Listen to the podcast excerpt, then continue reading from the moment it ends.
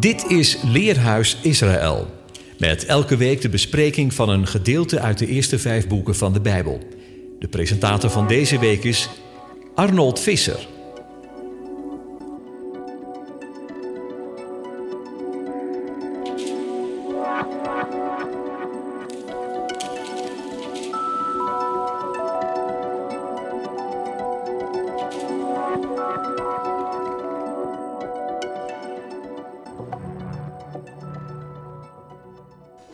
Beste luisteraars, hartelijk welkom bij weer een uitzending van het Leerhuis.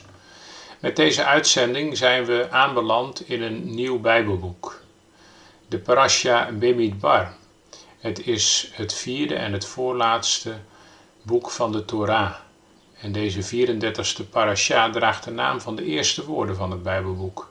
Zoals gezegd, Bemidbar, met de betekenis in de wildernis of in de woestijn. Dit boek is bij ons bekend onder de Latijnse naam numeri, getallen, naar aanleiding van het gebod van de Heer aan Mozes om een volkstelling uit te voeren. Dit wordt verder uitvoerig beschreven. Hoeveel mannen van boven de twintig hebben er iedere stam horen en geteld moeten worden. Alvorens we verder gaan, geef ik u de schriftgedeeltes die bij de parasha horen. Uit de Torah is dat nummer 1 tot en met 4 vers 20 de Haftara-lezing is uit Hosea 2, het eerste vers tot 2, 22.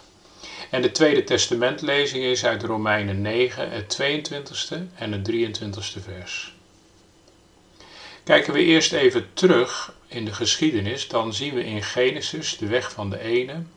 Die begon via de aartsvaders Abraham, Isaac en Jacob. Individuen, families en dit groeide uit tot een volk waarin we in Exodus over lezen.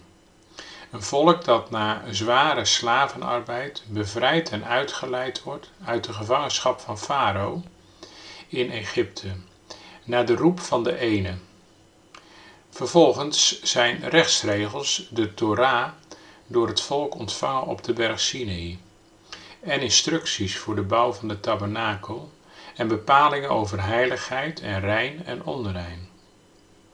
De eerste tien hoofdstukken van Bemidbar behandelen twintig dagen, waarin twee tellingen en de organisatie gericht was op de voorbereiding van de tocht van het volk door de woestijn. De Israëlieten zullen door de wildernis trekken, getest worden, beproevingen moeten doorstaan en de dood van een generatie zal plaatsvinden naar de grenzen van het beloofde land, zover als men toen gevorderd was. In de schrift is de wildernis, Midbar, niet noodzakelijk een woestijngebied, maar het niet in kaart gebrachte gebied waar wij ons tijdens onze verbanning gewoonlijk in kunnen bevinden. Deuteronomium 8, vers 16 geeft ons meer inzicht in het doel van een wilderniservaring. Hij die u in de wildernis voedde met manna, dat uw vaders niet kenden, opdat hij u bescheiden zou kunnen maken en dat hij u zou kunnen testen om u bij het laatste einde goed te doen. In de wildernis voedt hij ons met zijn manna, het brood des levens, zoals Johannes 6, vers 36 zegt. Voorzeker zeg ik tot u, niet Mozes gaf u het brood van de hemel, maar mijn vader geeft het u. De vraag wordt nog wel eens gesteld waarom de Torah pas na de uittocht aan Israël is gegeven en bijvoorbeeld niet eerder aan Adam of aan Noach? Een antwoord hierop is omdat de Torah niet voor een enkeling bestemd is, maar voor een heel volk, dat tot een gemeenschap samengesmeed moet worden. Daarop aansluitend komt de vraag: waarom toch niet gelijk na de uittocht, maar pas op de vijftigste dag? Dan volgt een prachtig antwoord dat je je gereed moet kunnen maken wanneer een grootse ontmoeting je te wachten staat. Na Pesach begint de omertelling, de telling van de schoven en daarmee de telling van de dagen, de weken. Vanaf Pesach trekken, als het ware in elke generatie, opnieuw Joden in gedachten weg uit Egypte en maken dezelfde gang als hun voorouders om hun verlossende woord en een bevrijder aan de voet van de Sinai te ontmoeten.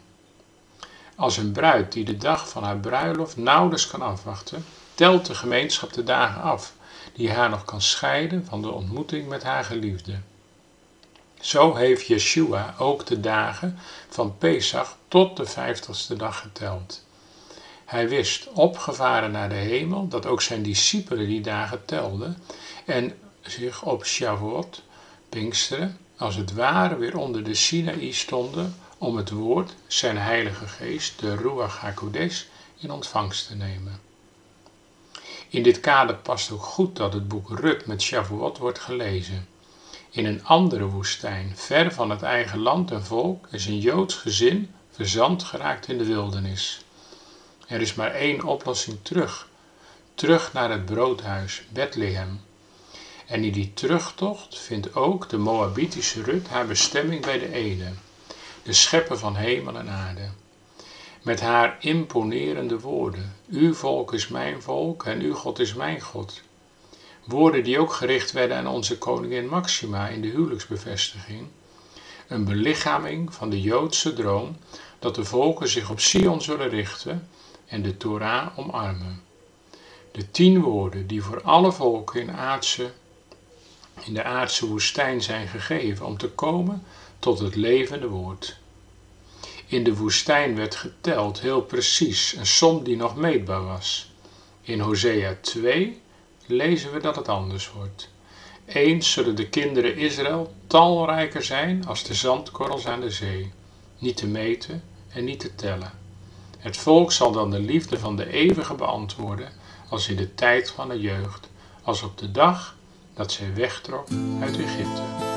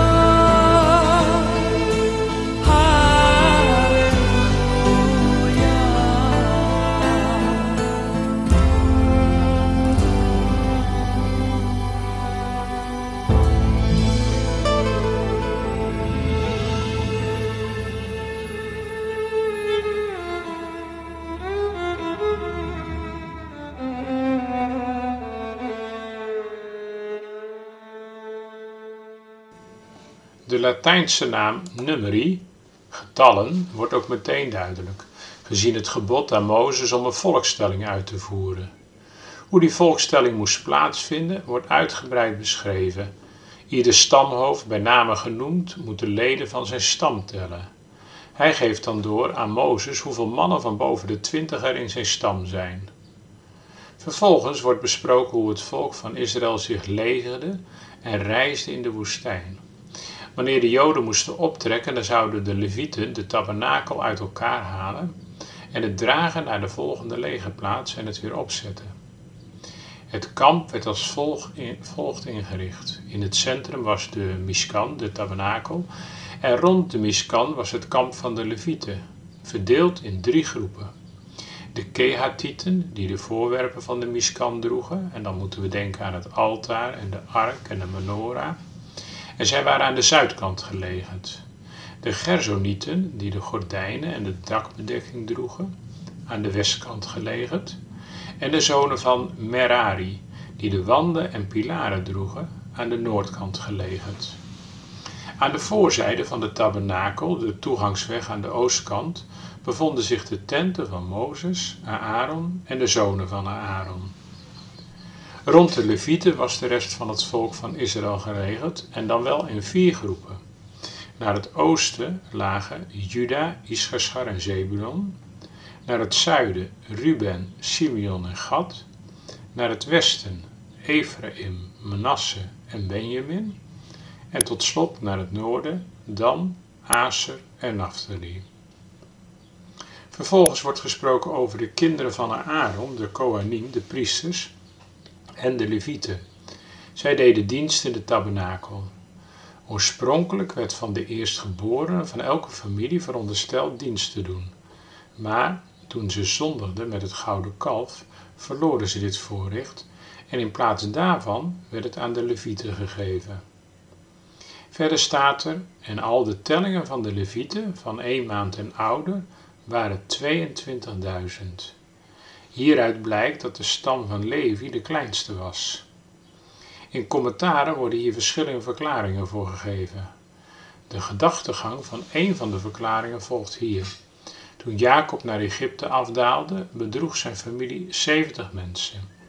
Tijdens de 210 jaar in Egypte groeide de familie van Jacob op en op een wonderbaarlijke wijze, en zelfs tegen de verdrukking in, meer dan 600.000 mannen.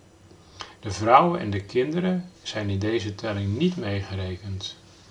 Het is vanuit bronnen bekend dat alle stammen, behalve de stam van Levi, in Egypte slaven waren. De wonderbaarlijke vermeerdering van het Joodse volk was aan de verdrukking te danken, wordt gezegd. De stam van Levi groeide daarentegen op natuurlijke wijze en kwam op een totaal van slechts 22.000. De tekst zegt dat de levieten helemaal aan Aaron werden gegeven. Dit betekent niet dat zij zijn private persoonlijke assistenten waren, maar helpers in alles met betrekking tot taken in het heiligdom. De Hebreeuwse tekst zegt letterlijk dat de levieten gegeven, gegeven. Netunim, netunim staat er. Waaruit blijkt dat hun inzet dubbel was, zowel in het openbaar als privaat. Hun toewijding was niet enkel tijdens hun werkuren om in de tabernakel te dienen en later in de tempel, maar ook gedurende de tijd waarin zij niet dienden. Hun hele leven moest zich toespitsen op hun dienst in het heiligdom, hoewel zij niet de hele tijd daadwerkelijk actief waren. Alles wat ze deden hield direct of indirect verband met hun dienst in de tabernakel. Dit doet ons denken aan de tekst tekst uit Colossense 3, vers 17 en 23. En wat u ook doet, het zij in woord of daad, doe alles in de naam van de Heer, Yeshua. Dank God de Vader door Hem. Wat u ook doet, werk eraan met heel uw hart, als werkend voor de Heer, niet voor mensen.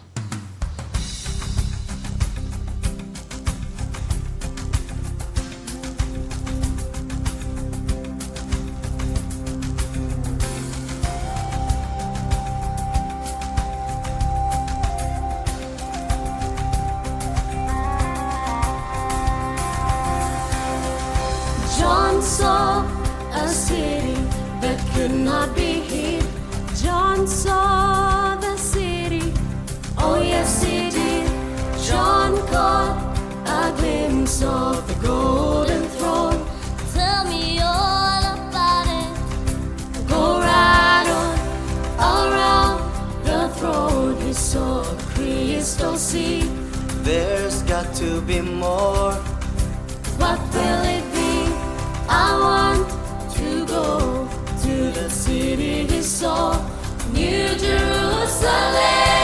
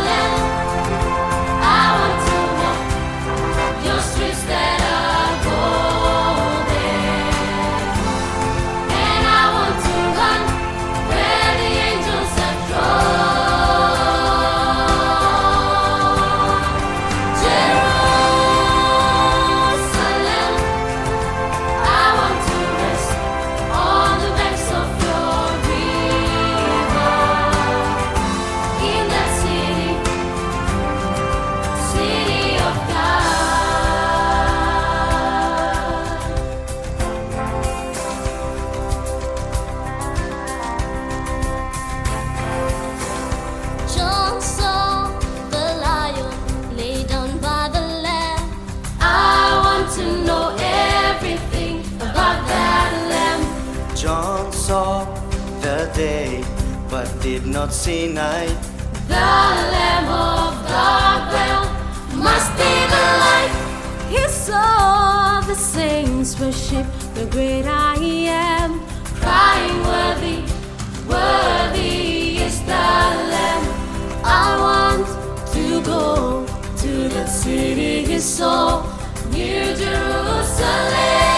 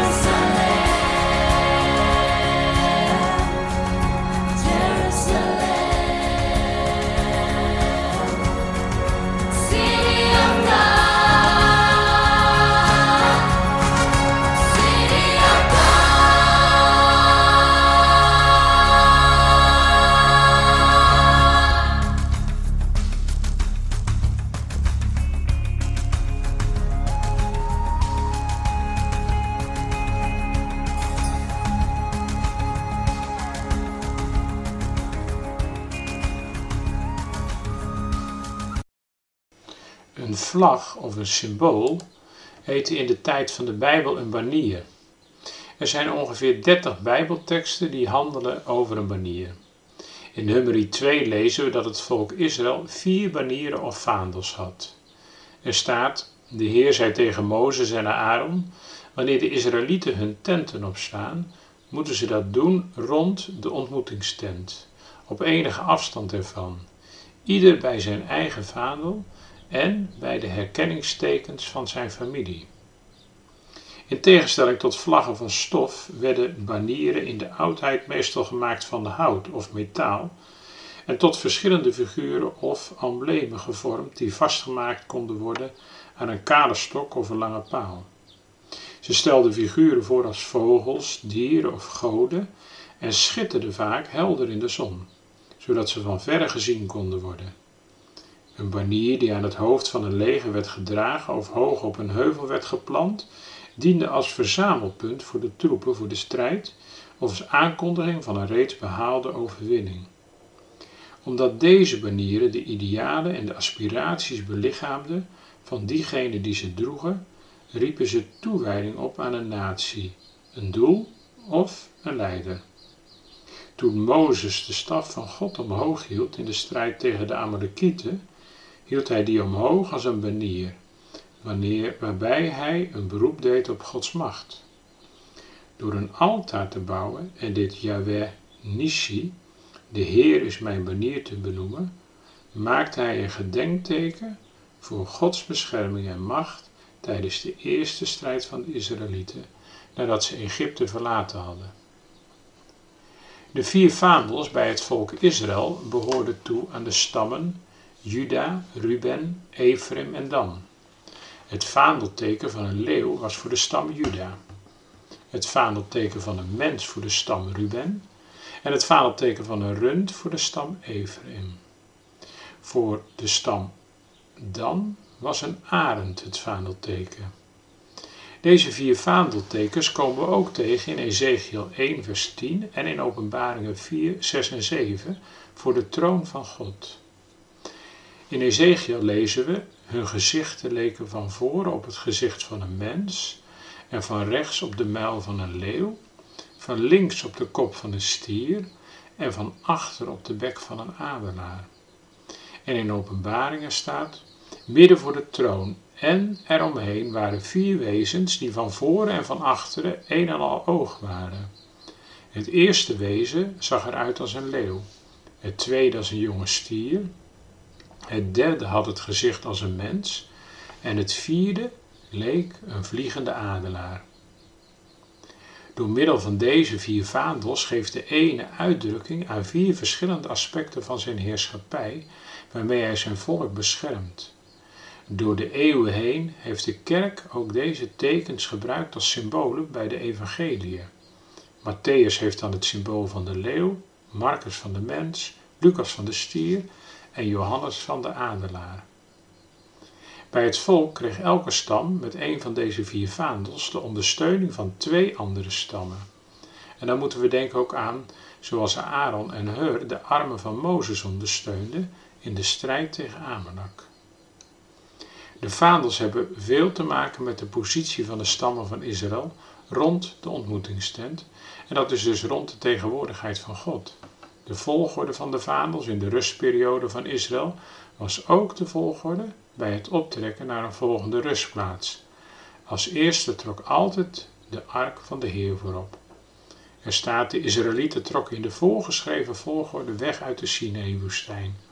De ark van het verbond met de Heer ging voor hen uit om een rustplaats voor hen te zoeken. Dat lezen we in nummer 10.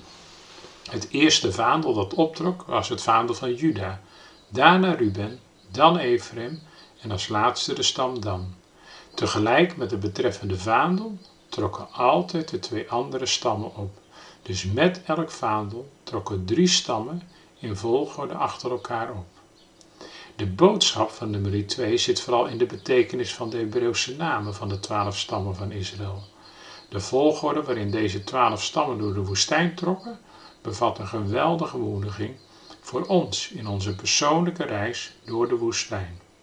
In Openbaringen 5, vers 5 staat: Wees niet verdrietig, want de leeuw uit de stam Juda, de telg van David, heeft de overwinning behaald.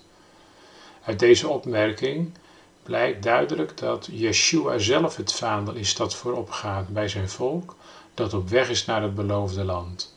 Hij is diegene die in zijn volle overgave en lofprijzing aan de Vader de bruid op weg brengt naar haar bestemming.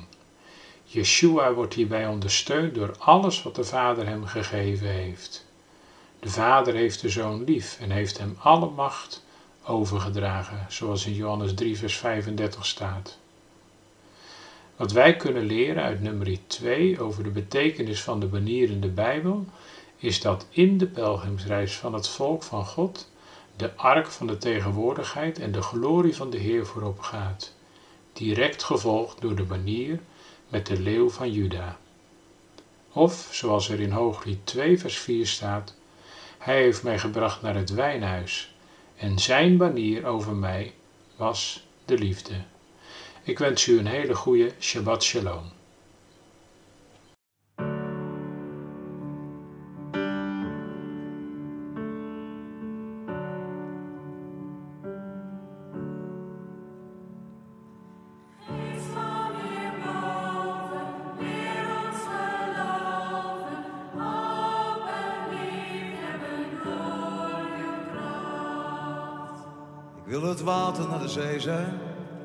De zoden aan de dijk. Het gevecht tegen de bierkaai, alles wat onhaalbaar lijkt. Ik wil de rots zijn in de branding, met de verbeelding aan de macht. Wil de stilte die vanzelf spreekt zijn en het daglicht in de nacht.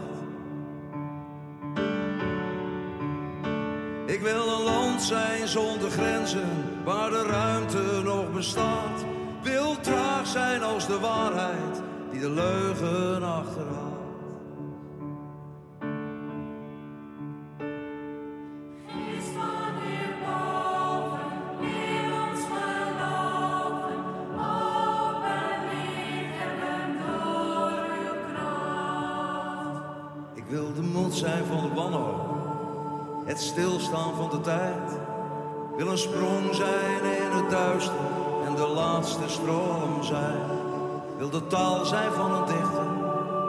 Zichzelf geen dichter noemt. Het zout zijn van de aarde en de kus die ons verzoent. Ik wil een land zijn zonder woorden, gedragen door de wind. Wil de wereld weer leren zien, door de ogen van een kind. En met de schoonheid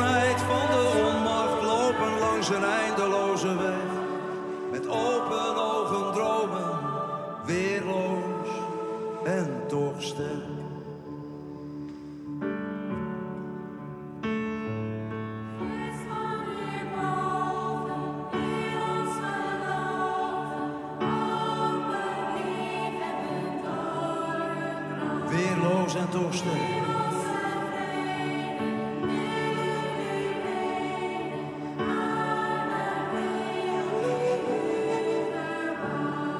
het water naar de zee zijn. De zoden aan de dijk. Het gevecht tegen de bierkaai, alles wat onhaalbaar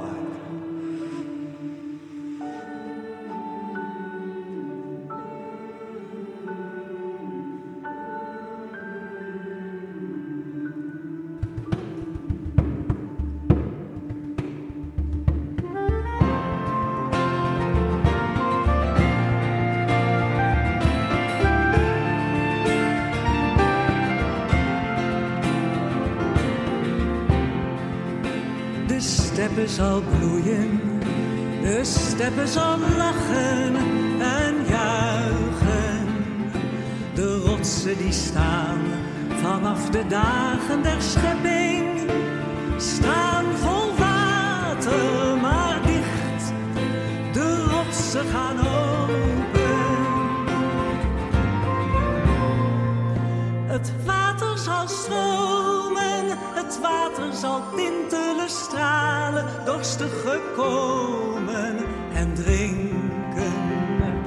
De steppen zal drinken, de steppen zal bloeien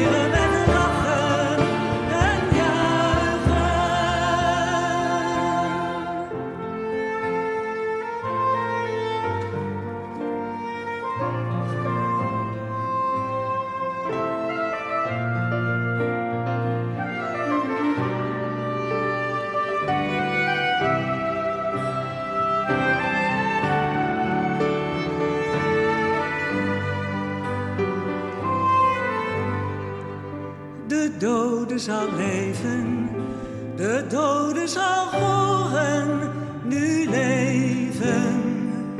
Ten einde gegaan en onder stenen bedoven.